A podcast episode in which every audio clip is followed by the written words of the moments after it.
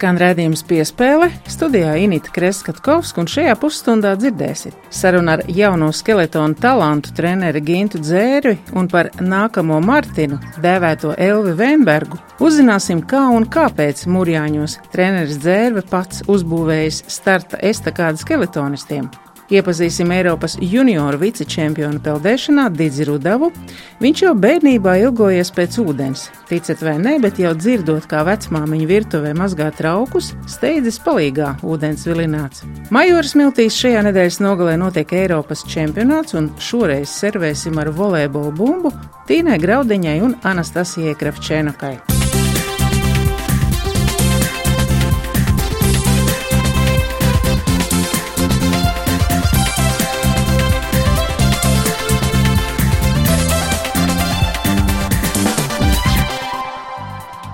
Šonadēļ Jūrmala piekto gadu pēc kārtas uzņem ceļu kalendāra sacensības. No 4. maija pludmalē notiek Eiropas čempionāts vecumā līdz 22 gadiem, un medaļu ieguvējs noskaidrosim svētdien. Uzbūvēts stadions ar 1600 skatītāju vietām, un ieeja ir bez maksas.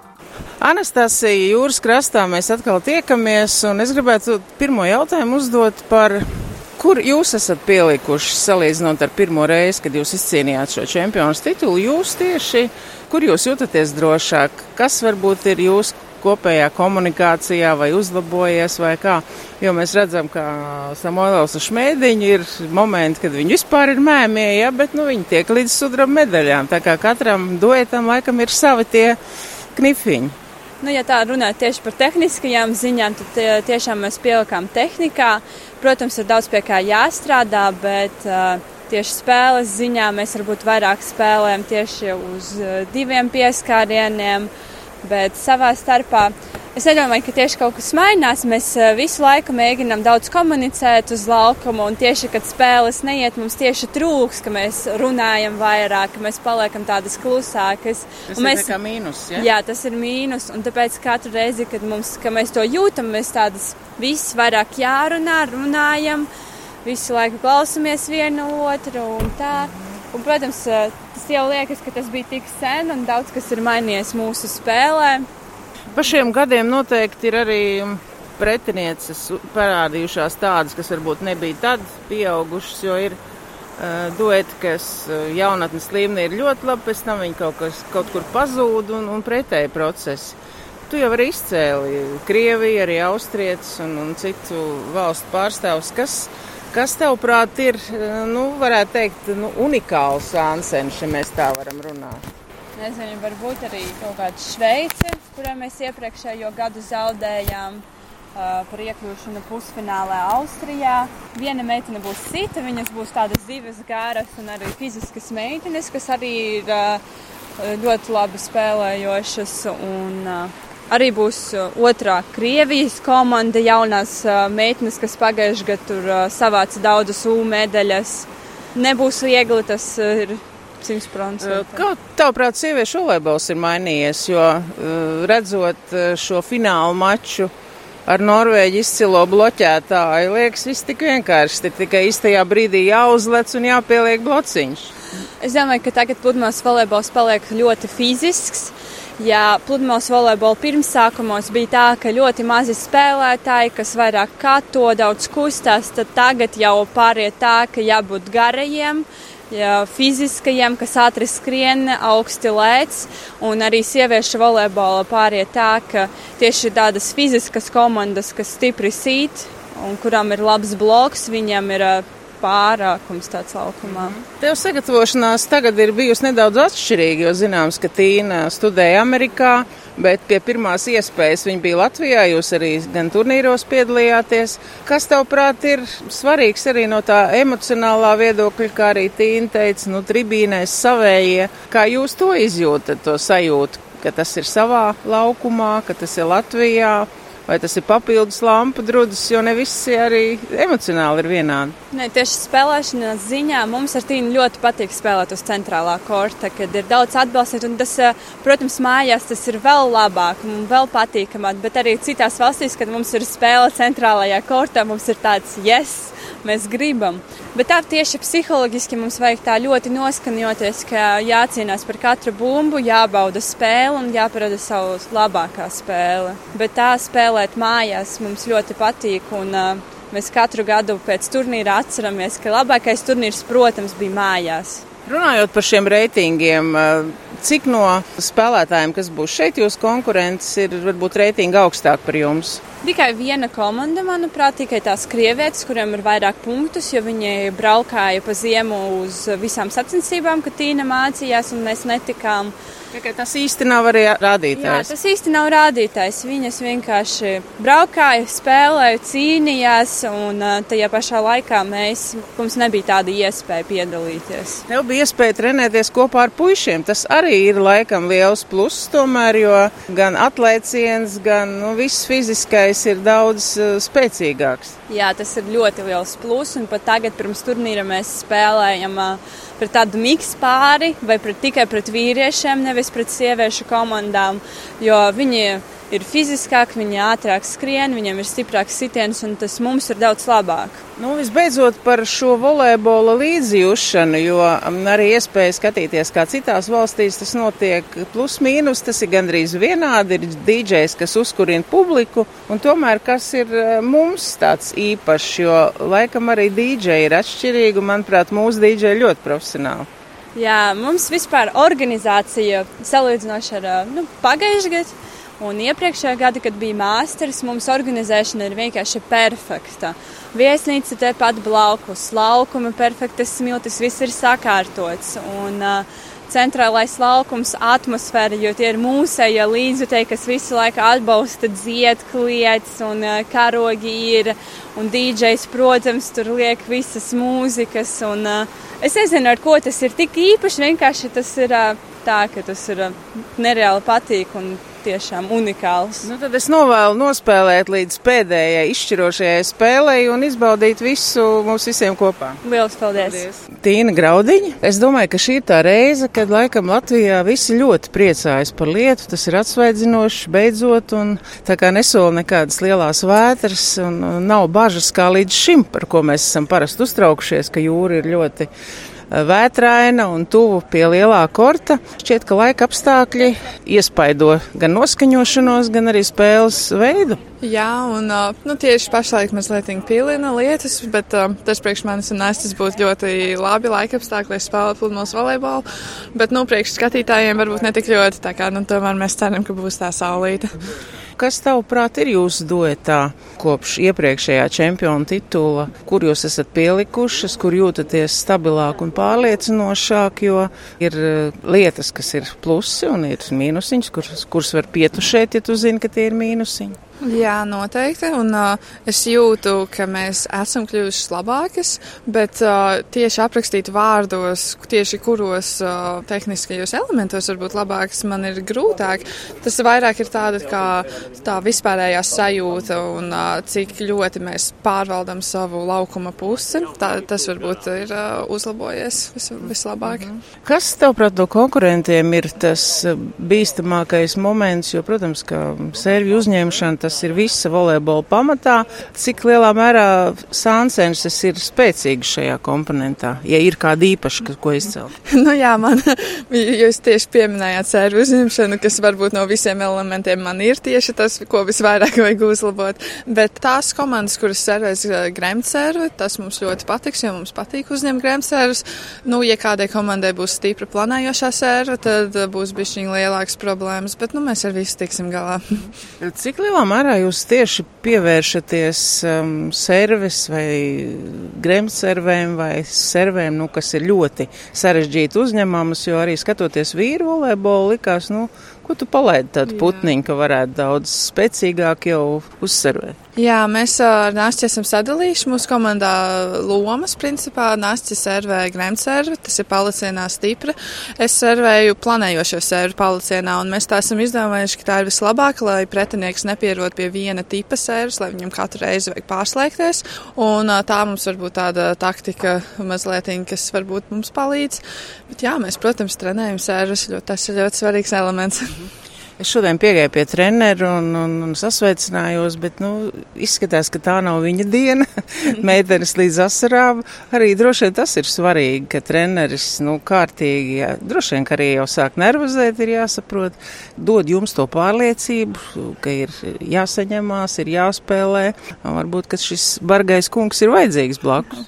Jā, nu, trenerim ir grūti, tāpēc, ka viņš jau tik ļoti mums jūt līdzi un nevar, un tomēr viņam jāsēž malā laukumā, un viņš nedrīkst neko teikt, un viņš nevar mums palīdzēt. Tāpēc uh, ir pilnīgi saprotami, ka viņš ir stresā. Bet jā, mums ir nesu vienkārši koncentrēties pašiem uz sevi un uh, neļaut ārpus ārus faktoriem ietekmēt mūs. Es neesmu redzējis, ka jūs vienu uz otru kādu asāku vārdu pateiktu, vai tas arī ir tāds iekšējs sevis saturēšanas veids? Es domāju, ka mēs vienkārši apzināmies, ka mūsu pārnieks cenšas izdarīt visu, ko vien var uz simt procentiem, un līdz ar to kaut ko baigi tā pārmest pat nav īsti jēgas, jo es zinu, ka Nasti vienmēr visu dara pēc saviem labākajiem nodomiem. Es vēlu to pašu, ko Nastei, nospēlēt līdz pēdējai izšķirošajai spēlē un izbaudīt visus šos priekš šeit pludmalē. Paldies! Paldies! Viņš bija tāds motivators, ka es arī gribu būt tur, kur ir viņš un darīt to, ko viņš dara. Visiem spēlētājiem mēs ticam, gaidām, un, un vēl nekas nav beidzies. Vismaz viens spēle mums noteikti. Jā, nu. Skan raidījums piespēle studijā Inita Kreskatkovska, un turpinājumā iepazīsim Jelgaunieku Didzi Rudavu, kas no Eiropas junioru čempionāta atgriezies ar sudraba medaļu 50 metros brasā. Jelgavas specializētās peldēšanas skolas audzēknis atkārtot izpildījis arī pasaules jaunatnes olimpisko spēļu A normatīvu, lai startētu oktobrī jaunatnes olimpiskajās spēlēs Buenos Airesā. Vēl nesenā raidījumā piespēle mēs iepazināmies ar Ievu Maļuku, un šajā raidījumā saruna ar jauno un talantīgo Eiropas junioru sudraba laureātu peldēšanā Didzi Rudovs. Sveiks, Didzi! Sveiki! Mēs tiekamies Rīgā, kaut gan tu esi Jāgals specializētās peldēšanas skolas audzēknis. Izstāsti, kāda ir tā sajūta, gribās dziļākos ūdeņos peldēt vai varbūt skola ir šeit Rīgā? Rīgā es trenējos tikai tāpēc, ka basēnā vairs nav ūdens Jāgavā tieši. Tikai OSC nav izlaiduši uz vasaru ūdeni. Trenēties, protams, gribas lielākos ūdeņos, varbūt lielākā valstī, bet, bet pagaidām ir esmu apmierināts ar to, kas ir arī Latvijā. Tu šobrīd esi tādā starpstadijā starp emocijām, kas gūtas pēc Eiropas sudraba, izcīnīts 50 metros brasā un uh, iespējams, ka septembrī brauks uz Argentīnu, kur ir pasaules jaunatnes olimpiskās spēles. Tie ir tie galvenie šīs vasaras uzdevumi vai labot arī kādu rekordu? Bija mērķis izpildīt tos normatīvus, simtniekā īsti nesanāca, es ļoti labi uzlaboju. Pie simtnieka būs vēl jāpiestrādā. Tie arī bija tie mērķi. Kā varētu raksturot to, ka pēdējā laikā jaunatnes līmenī mums peldēšanā ir šie panākumi vai ir iespējams arī braukt uz sacīkstēm? Nu, zināms, ka jūsu sporta skolā jau ir nu, tradicionāli diezgan labi rezultāti arī citiem. Kā tu pats pavērtē savus iespējas trenēties? Šeit es uzskatu, ka Latvijā protams, līmenis treniņu nav tik izteikts un konkretizēts kā, piemēram, nezinu, Amerikā. Es teiktu, ka treneri ir zinoši, izaudzina tos audzēkņus jau no mazotnes. Tev treneri ir astrozoliņa, ja? Jā. Jā. Vai viņa tevi mērķiecīgi sargā, lai tu neaizbrauktu pāri okeānam, vai ir tas arī tavs sapnis nākotnē? Protams, sapnis ir aizbraukt pāri okeānam. Pagaidām vēl nav neko teikusi par to, ka nevēlas, jo nav nekas minēts par to, ka ir iespēja braukt. Mēs vasarā runājam daudz par peldēšanu, arī nu, tīri tā no praktiskā viedokļa, jo tās sliktās ziņas par tiem, ko izceļ no ūdens tilpnēm. Kā tu atceries savu vispār nodarbošanos, kā tu pats sāki, vai tā bija vēlme tikai iemācīties peldēt, un tad tevi atrada šo talantu, vai atceries, kā tas notika? Bērnībā jau man vienmēr ir paticis ūdens, es jau atceros arī, ka tā kā es dzirdēju, ka vecmāmiņa mazgā trauks, tā es uzreiz biju klāt un palīdzēju viņai. Man ļoti patīk ūdens, bet nu, bērnībā mēs arī ar tēti meklējām uh, citas vietas, kur tā trenēties, savu fizisko uzlabot. Mēs gājām uz hokeju, tas man īsti nepatika. Tad gājām vēl uz kartē, kur es nedaudz ilgāk, bet tāpat ļoti maz trenējos. Var teikt, ka peldētājs Digis savās ballītēs vienmēr labprāt mazgā trauks, kad beidzās. Ja? Tā sanāk, jā. Izstāst par to garīgo barību. Cik zināms, Amerikā ir arī eh, mūsu peldētāji, kas ir gan mācījušies, gan, gan studējuši un, un dabūjuši šīs stipendijas. Latvijā nu, man pašlaik ir diezgan grūts gads bijis, desmitā klases tieši pēc nometnes. Uh, man bija zobiekēsums, kas man lika iekavēt dažas uh, kontroldarbus, kur man bija ļoti daudz parādu, kurus arī bija pēc tam grūti izlabot, un nekādas viegli tur nenācās ar viņiem, nedēļa nekādas atlaides.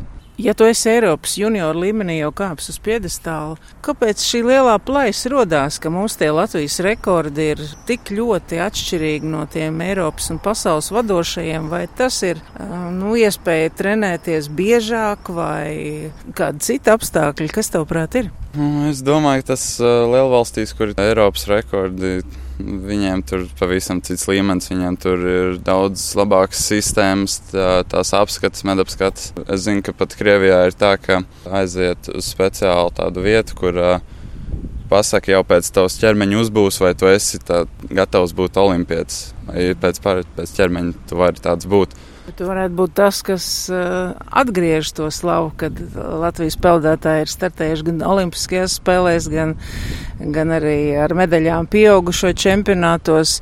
Droši vien runājot arī par tām iespējām trenēties, cik bieži tagad ir vasara, kā tu teici, jums ir nu, droši vien kaut kādā restaurēšanas procesā, basēns vai atjaunošanas, tad tev tēvs katru dienu vadā uz Rīgas treniņiem. Pašlaik man ir tāds režīms, ka viena diena ir ūdens, un uh, otra diena ir sausais trenižera zālē. Kāds ir uh, tavs sporta veida sapņu piepildījums? Uh, vai aizbraukt uz um, Argentīna ir atkarīgs tagad tikai no tevis, eh, jo jūs esat daudz tie pretendenti, kas ir izpildījuši normu. Nu, negluži daudz, bet vairāk, jā, lai aizbrauktu uz pasaules jaunatnes olimpiādi, un, un daudziem sportistiem tieši tur arī iesākās viņa tā nopietnākā karjera, jo savulaik gan Aļona Stapenko tādās Eiropas spēlēs, gan citi sportisti pazīstam vēlāk ir tieši tur sākuši ar, ar uzvarām savu karjeru. Es uzskatu, ka meitenēm bija ļoti uh, lielāka konkurence nekā zēniem, jo zēni bija tikai divi. Ieskaitot mani, kas izpildīja A normatīvus. Otrs bija Jānis Vitāls Siliņš no Valmieras. Bet tagad man treneris paziņojusi, uzrakstījusi īziņu, ka es tomēr tieku uz jaunatnes olimpiskajām spēlēm. Kas ir tas nu, cilvēks, sporta veids vai personība vai notikums, kas tevi motivē? Jo nu, ikvienam mums tomēr vajag kaut kādu tādu spožāku zvaigzni tālumā Jo ļoti būtiski jau ir tieši tas starposms pēc skolas līdz e, studijām, sevi tā nopietnāk parādīt, jo daudziem jaunajiem jau tas tā viss ir tomēr um, uz vecāku maciņiem, kamēr tu sasniedz tādu normālu līmeni, lai tevi ievēro olimpiskā vienība. Jā, tā ir. Man ir ļoti liels atbalsts no ģimenes, no tēta, no mammas, arī no brāļa. Arī, protams, treneris man neļauj slinkot, par ko es esmu ļoti pateicīgs. Basēns arī ļoti atsaucīgs. Bet es domāju, ka tas arī ir daļai mana rakstura dēļ, jo man nekad nav paticis zaudēt un arī padoties. Es, es, es ļoti smagi strādāju pie viss, kas man arī ļoti patīk. Nu, tad es esmu pārliecināta, ka šī tava Eiropas eh, junioru sudraba medaļa nebūs pēdējā, un tādiem raksturiem, kas negrib piekāpties, noteikti ir jāstāv uz augstākā godu piedestāla. To es arī tev novēlu. Paldies, Dīdzi! Paldies! Saruna ar Dīdzi Rudovu, jauno talantīgo peldētāju, lai piepildās sapņi, un tad gaidīsim pozitīvas ziņas arī no Buenos Aires. Tajā brīdī es biju labākais pasaulē. Viss pirmās vietas ir līdzvērtīgs zeltam. Spēlētājiem gadās slikts, labs spēles sērijas, bet ir jāceļās, jāmāk piecelties un parādīt savu sniegumu. Raidījuma piespēle noslēgumā dod vārdu kolēģim Mārtiņam Kļaviniekam, kas piedāvās sarunu gan ar jauno skeletonu talantu treneri Gintu Dzērvi un par nākamo Martinu dēvēto Elvi Veinbergu. Sporta raidījums piespēle atbrauc uz uh, Mūrjāņiem. Esam tādā teikt, negluži klāja lauka vidū, bet uh, meža ielokā, un uh, šeit trenējas Latvijas jaunie skeletonisti. Un, viņu darbības pārauga treneris Gins Dzērus. Sveiki, Ginti! Sveiki! Vispirms varbūt pastāstiet, kur mēs atrodamies. Nu, radio klausītājiem varam izstāstīt, nu, šeit ir jaunākā, jūs pats arī teicāt, jaunā skeletona starta estekāde. Kas tas tāds vispār ir. Jaunā būs lepni viņa nosauktā jaunā. Tīri uz mūsu pašu entuziasmu un uh, izdomu radīt estikādi vasaras apstākļiem kas jauniem sportistiem ir samērā būtiski. Arī vasarā skriet šos starta ieskrējienus, jo būtībā skeletons sports iet uz to, ka arvien vairāk un vairāk ir atkarīgs no starta ieskrējiena. Līdz ar to sevišķi jauniem sportistiem, kuriem nav šī ziemas pieredze tik liela, ir ļoti veselīgi, teiksim, tā un ieteicams paskriet pēc kāda arī vasarā. Līdz ar to dzimta šī ideja. Šis ir mans, mans sievas īpašums lauku, un uh, kopīgiem spēkiem tika īstenot. Paši jaunieši arī diezgan, diezgan cītīgi piedalījās tapšanas procesā, un tas ir rezultāts. Ideja radās būtībā krietni pasen, bet vairāk tā doma nobrieda, ka šiem jauniem sportistiem nepietiek ar to, kas ir ziemā. Tikai es tikai skrienu, tāpēc, ka ziemā mums ir jāsarāda diezgan daudz trasēru, un, un viņiem ir skola un viss, un paliels lodze. Līdz ar to radās šī ideja, ka vajadzētu arī vasaras versiju viņai. Vairāk arī es, es pats ir iespējojis ļoti no ārzemju komandām lielajām, jo faktiski pilnīgi visas komandas skrien vasaras estakādas īstenot gan tikai tagad, un arī tie rezultāti starta. Varbūt arī jaunajām meitenēm nebija tik labi, kā gaidījām, un līdz to sapratām, ka ir jābūvē. Bet tā tāda pietiekami liela uzuparēšanās. Nu, tur jābūt tiešām lielam entuziastam, lai, lai savu privāto īpašumu atvēlētu šādām vajadzībām. Var jau būt, ka no, no malas izskatās tā diezgan pārgalvīgi, bet uh, Es nezinu pat, kā šo komentēt. Nu, man nav tā, ka žēl, jo šī komanda tas ir mans darbs, un uh, viņas rezultāts ir mans rezultāts. Kā es saku, uz acis es to buldozēru arī regulēju, un paši sportisti viņi vēl pieregulēja tādas uh, mazās lietas. Jo būtībā šeit kāds sastāv no trīs elementiem. Šī ir plakne, kas ir augšējā, tad ir slīpums, kas ir vajadzīgs skrējiena attīstīšanai, un uh, bremzēšanas ceļš, kurš, kā mēs redzam, tiek papildināts nepārtraukti, jo viņš visu laiku izrādās pa īsu. Tas tie skrējieni paliek ar vien labāk un ātrāk. Un tepat mums ir rūpīta loja ar 17 metrīgu klinti, tā kā nebūtu vēlams, ja kāds neapstātos. Nu, šeit trenējas pat labi uh, Eiropas kausa komanda, junior vecums, visi, kas ir uh, līdz 23. Trenējās arī, protams, paši jaunākie Elvis un Elvita, kas ir jauniešu olimpiāda 20. gada. Nu, mēs zinām, ka Martinam un Tomasam, protams, ka būs laba un konkurētspējīga tehnika, bet cik uh, laba un konkurētspējīga tā būs šiem jauniešiem? Savā ziņā tieši tevis minētais Mārtiņš un Tomas ir atslēga uz jauniešu teikt. Proti, uz viņu pieredzi balstoties un uz viņu, teiksim, tā atgriezenisko saiti, top tehnika arī šiem jaunajiem censoņiem. Un uh, pateicoties tam, ka tieši, kā tu saki, Mārtiņam un Tomasam, laba tehnika arī šie bieži vien tiek pie labas tehnikas. Koks ar diviem galiem, ja, jo tā jauniešu programma. Mums ir tāda interesanta situācija, ka, lai tu tiktu, teiksim, noteiktā sastāvā, tev jāuzstāda not, noteikts rezultāts. Ir. Lai uzstādītu noteiktu rezultātu, tev vajadzīgi noteikti līdzekļi. Sanāk tāds kā apburtais lokus, kas nevienmēr tā nostrādā. Ja. Šo jauniešu gadījumā ļoti labi bija tas, ka sākotnēji bija šis lielās komandas atbalsts. Dotie brīdi viss atkarīgs no pašiem. Pašiem ir jātaisa rezultāts, pašiem ir jānopelna savu, savu līdzekļu, savu programmu. Šajā ziņā varbūt ir grūtākais tieši pašiem jaunajiem, kas ir uh, uz jauniešu olimpiādu pretendē.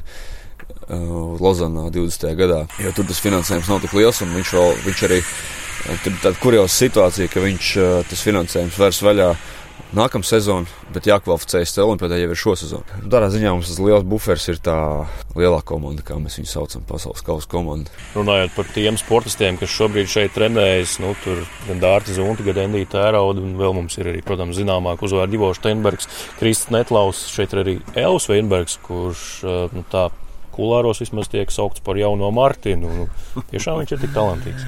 Es laikam nevienu nekad nesaucu par jauno Martinu. Es godīgi sakot, es pirmo reizi to dzirdu tā. Un, uh, nu, ir dzirdēts tā, daži labi. es biju dzirdējis, ka viņš sauc par Daiņu mazdēlu, bet, bet uh, slepeno. Viņš ir, uh, es tā, grib, es tā negribu, lai viņš sadomājas pārāk par sevi. Es, es teikšu tā, viņš ir uh, nu, daudz sološs jauns cilvēks, kuram ir labas īpašības tādas, kā, mm, kā izrādās, viņš absolūti nebaidās. Viņam īsti neesmu novērojis arī pagaidām sacensību drudzi.